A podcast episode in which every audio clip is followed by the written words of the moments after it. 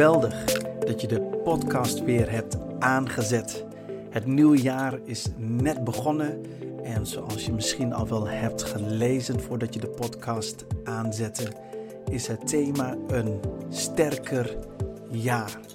Nou, voordat ik begin wil ik jou eerst een gezegend en een ontzettend gezond nieuw jaar toewensen. En weet je, dat je al je plannen uit mogen komen of dat dit juist een jaar mag zijn dat je echt overgaat tot actie en dat je de dingen gaat doen die je moet doen.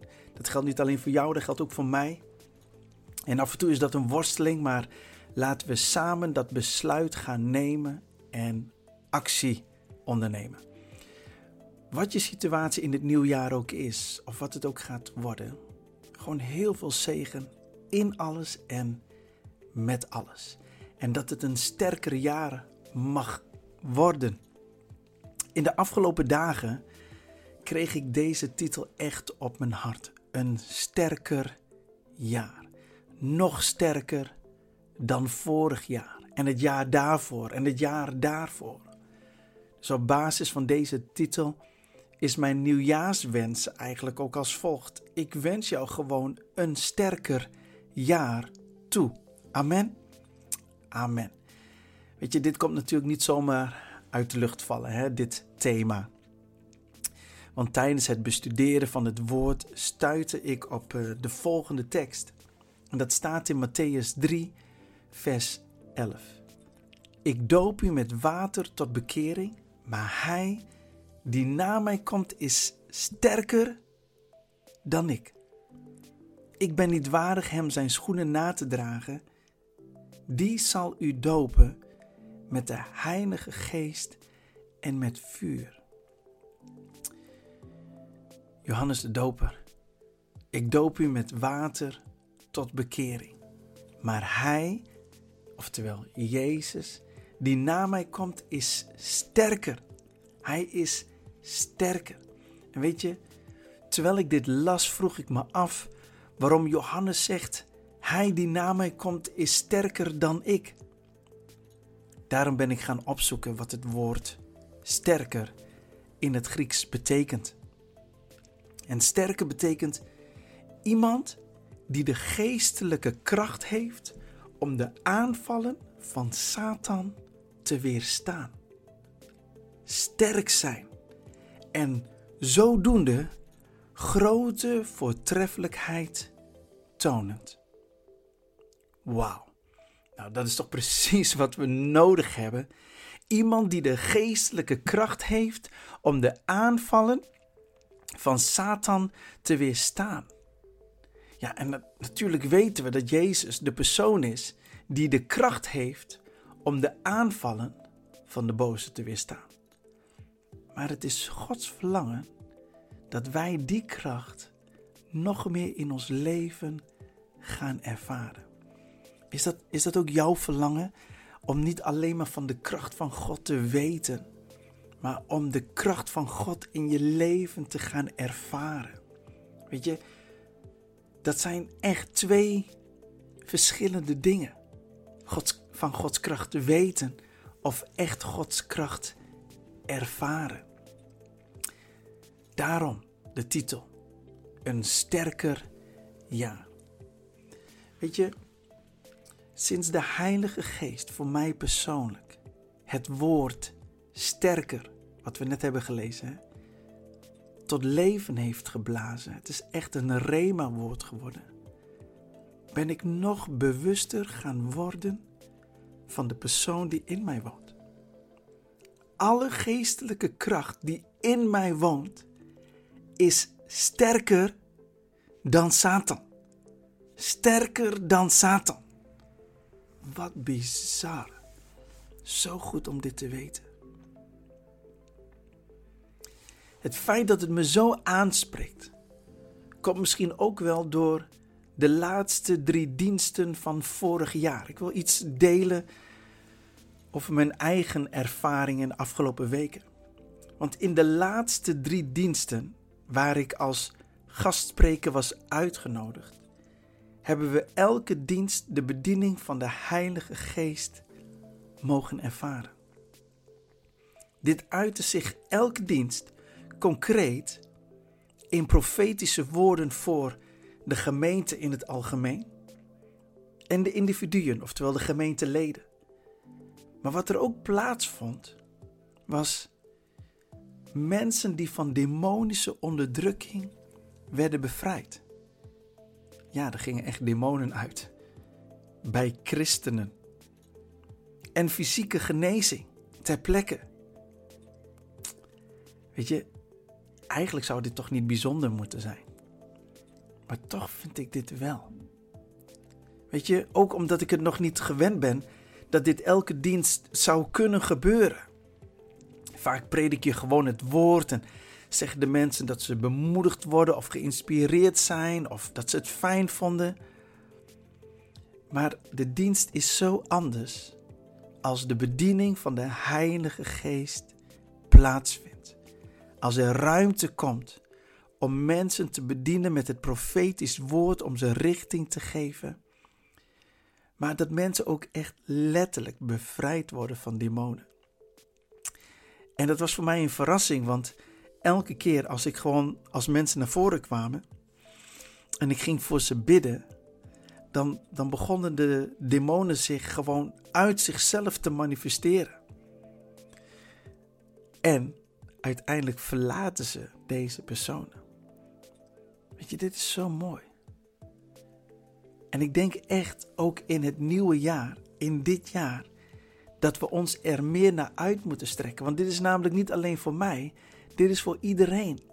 Dit is voor iedereen die in Jezus Christus gelooft, die open staat voor de Heilige Geest, die ook uit wilt stappen in de werking van de Heilige Geest. Oftewel, dat je wilt uitstappen, dat de Heilige Geest ook echt door jou heen kan werken.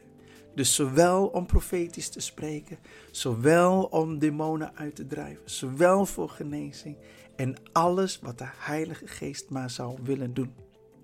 Dus het beperkt zich niet alleen maar tot deze drie dingen. Hè? Dat mogen duidelijk zijn. Weet je, en ik, ik, ik strek me ernaar uit, ik verlang ernaar dat dit soort diensten geen toevalligheden meer zijn, maar dat het eerder regel is. Dat het regel is. En ik ga je soms ook uitleggen waarom. En waarom ik je wil aansporen om ook op dit gebied een sterker jaar te gaan ervaren met God de Heilige Geest. Weet je, ik geloof namelijk dat de Heilige Geest dit wil vrijzetten. Voor mij, maar ook zeker voor jou. Voor ons. Voor de gemeente Gods. Weet je, dat we ons meer mogen uitstrekken naar de bediening van de Heilige Geest. Ik kan het niet vaak genoeg zeggen. Maar God is toch altijd gewoon in elke dienst, Melvin. Hij, hij is toch altijd aanwezig. Helemaal eens. En amen daarop. Maar of God aanwezig is, of dat God ook de ruimte krijgt om, de, om zijn kracht te manifesteren, ook dat zijn weer twee verschillende dingen. Alleen die horen wel bij elkaar, maar soms strekken we ze uit elkaar. Dat we zeggen, nou het is toch al genoeg dat God in ons midden is. Ja, ja, zeker. Meer dan genoeg zelfs. Maar als Hij dan toch in ons midden is, dan is het toch mooi dat mensen bevrijd worden van demonen. Dan is het toch mooi dat mensen fysiek genezen. Dan is het toch mooi dat, dat God profetisch begint te spreken en dat ze richting krijgen. Ik weet zeker dat, en dat heb je vast wel een keer meegemaakt, dat geeft zo'n andere dimensie aan. Ten eerste de dienst, maar nog veel belangrijker. Het verandert jouw blik op God. Het woord van God, het geschreven woord van God gaat veel meer voor je leven als je ook echt de manifestatie van Gods woord ziet. Dat de Heilige Geest bevestigt datgene wat je predikt. En ik ben zo enthousiast naar aanleiding van de afgelopen drie diensten, dat ik ook echt geloof dat God dat meer gaat doen dit jaar. Niet alleen maar gewoon voor de bediening, maar weet je, ik denk dat we in een wereld leven waarin we de kracht van God veel meer nodig hebben. Veel meer de, de, de demonstratie van Gods kracht. Ik weet niet hoe jij erover denkt, maar dit is mijn persoonlijke mening. Weet je, alleen maar praten over God en wie Hij is, dat is goed. Maar voor degenen die God nog niet kennen. Oh, weet je, zij horen zoveel dingen. Ze krijgen zoveel informatie. Ze krijgen zoveel dingen te horen die niet waar zijn. Leugens, ehm, misleidingen, verleidingen. Maar hoe mooi zou het zijn als jij en ik dit jaar ons kunnen uitstrekken naar nog meer van wat de Heilige Geest voor ons in petto heeft. En dat we veel, ja, dat we een, een, een, een, een stap verder in God gaan zetten. Veel verder misschien wel in God gaan zetten. En dat de kracht echt door ons heen mag stromen. Weet je, ik, ik kan me voorstellen als je denkt van Melf, dat gaat allemaal iets te ver en dat kan ik niet en dat, dat wil ik niet. Dat begrijp ik. Daar kan ik me heel goed indenken. Maar ik denk dat het onze verantwoordelijkheid is om ons hier naar uit te strekken. Dat denk ik. Waarom? Nou, laten we eens gaan lezen in 1 Johannes 4, vers 4. Gij zijt uit God, kinderkens, en gij hebt hen overwonnen, want hij die in u is, is meerder dan die in de wereld is. Hij die in u is, niet die in u was of misschien zal zijn. Nee, hij die in u is. Nu nog steeds. De tegenstander is er ook nog, hè? Die in de wereld is, die is er ook nog steeds. Maar Jezus in jou is meerder. Hij is groter. Als we voor een sterker jaar gaan, durven we de volgende tekst dan ook weer te omarmen. In Matthäus 10, vers 7. Gaat en predikt en zegt: Het koninkrijk der hemelen is nabijgekomen. Geneest zieken. Wekt doden op. Reinigt melaatsen. Drijft boze geesten uit. Om niet hebt gij het ontvangen. Geeft het om niet. Wauw. Jezus gaf deze opdracht aan zijn discipelen. Maar hij gaf niet alleen de opdracht, maar ook de macht. En dat lezen we in Matthäus 10, vers 1, want daar staat: En hij riep zijn twaalf discipelen tot zich en gaf hun macht over onreine geesten om die uit te drijven en om alle ziekte en alle kwaal te genezen. Wauw. Dit is echt wel heftig hoor. Maar wat, wat vind je ervan als ik zeg dat deze opdracht anno vandaag ook aan jou is gegeven? En daarom zei ik, ik denk ook echt dat het nog steeds onze verantwoordelijkheid is. Als individu en ook zeker als gemeente. En de macht dan, die Jezus gaf aan de discipelen.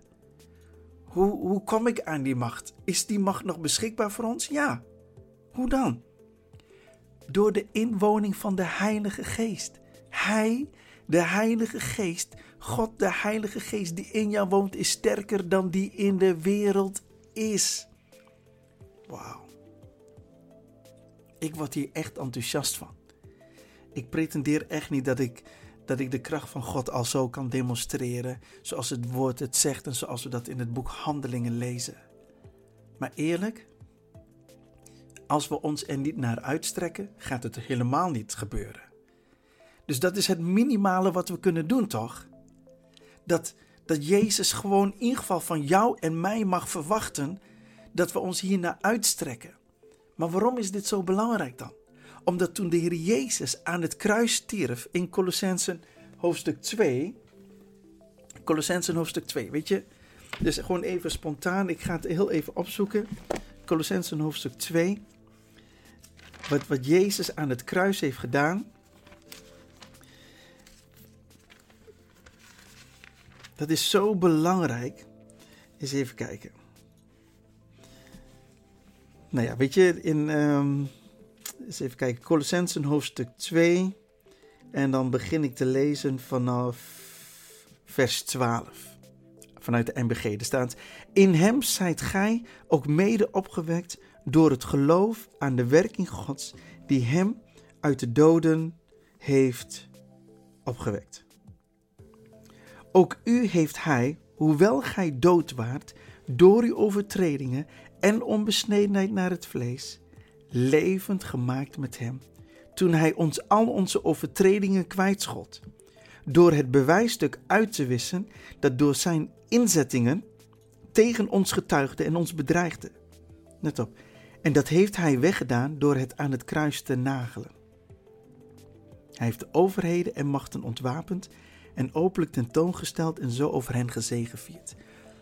Waarom wilde ik dit aanhalen?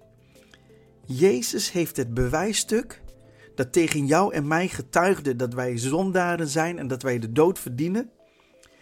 Dat bewijsstuk heeft hij, ehm, die overtreding heeft hij ons kwijtgescholden. Hij heeft de prijs betaald. Daar komt het op neer. En dan staat er verder: Hij heeft de overheden en machten ontwapend en openlijk tentoongesteld en zo voor hen gezegevierd. Met andere woorden, hij heeft ten eerste de overwinning behaald. En die overwinning is voor jou en mij. Maar die overwinning moeten we anno vandaag nog steeds zichtbaar en tastbaar maken.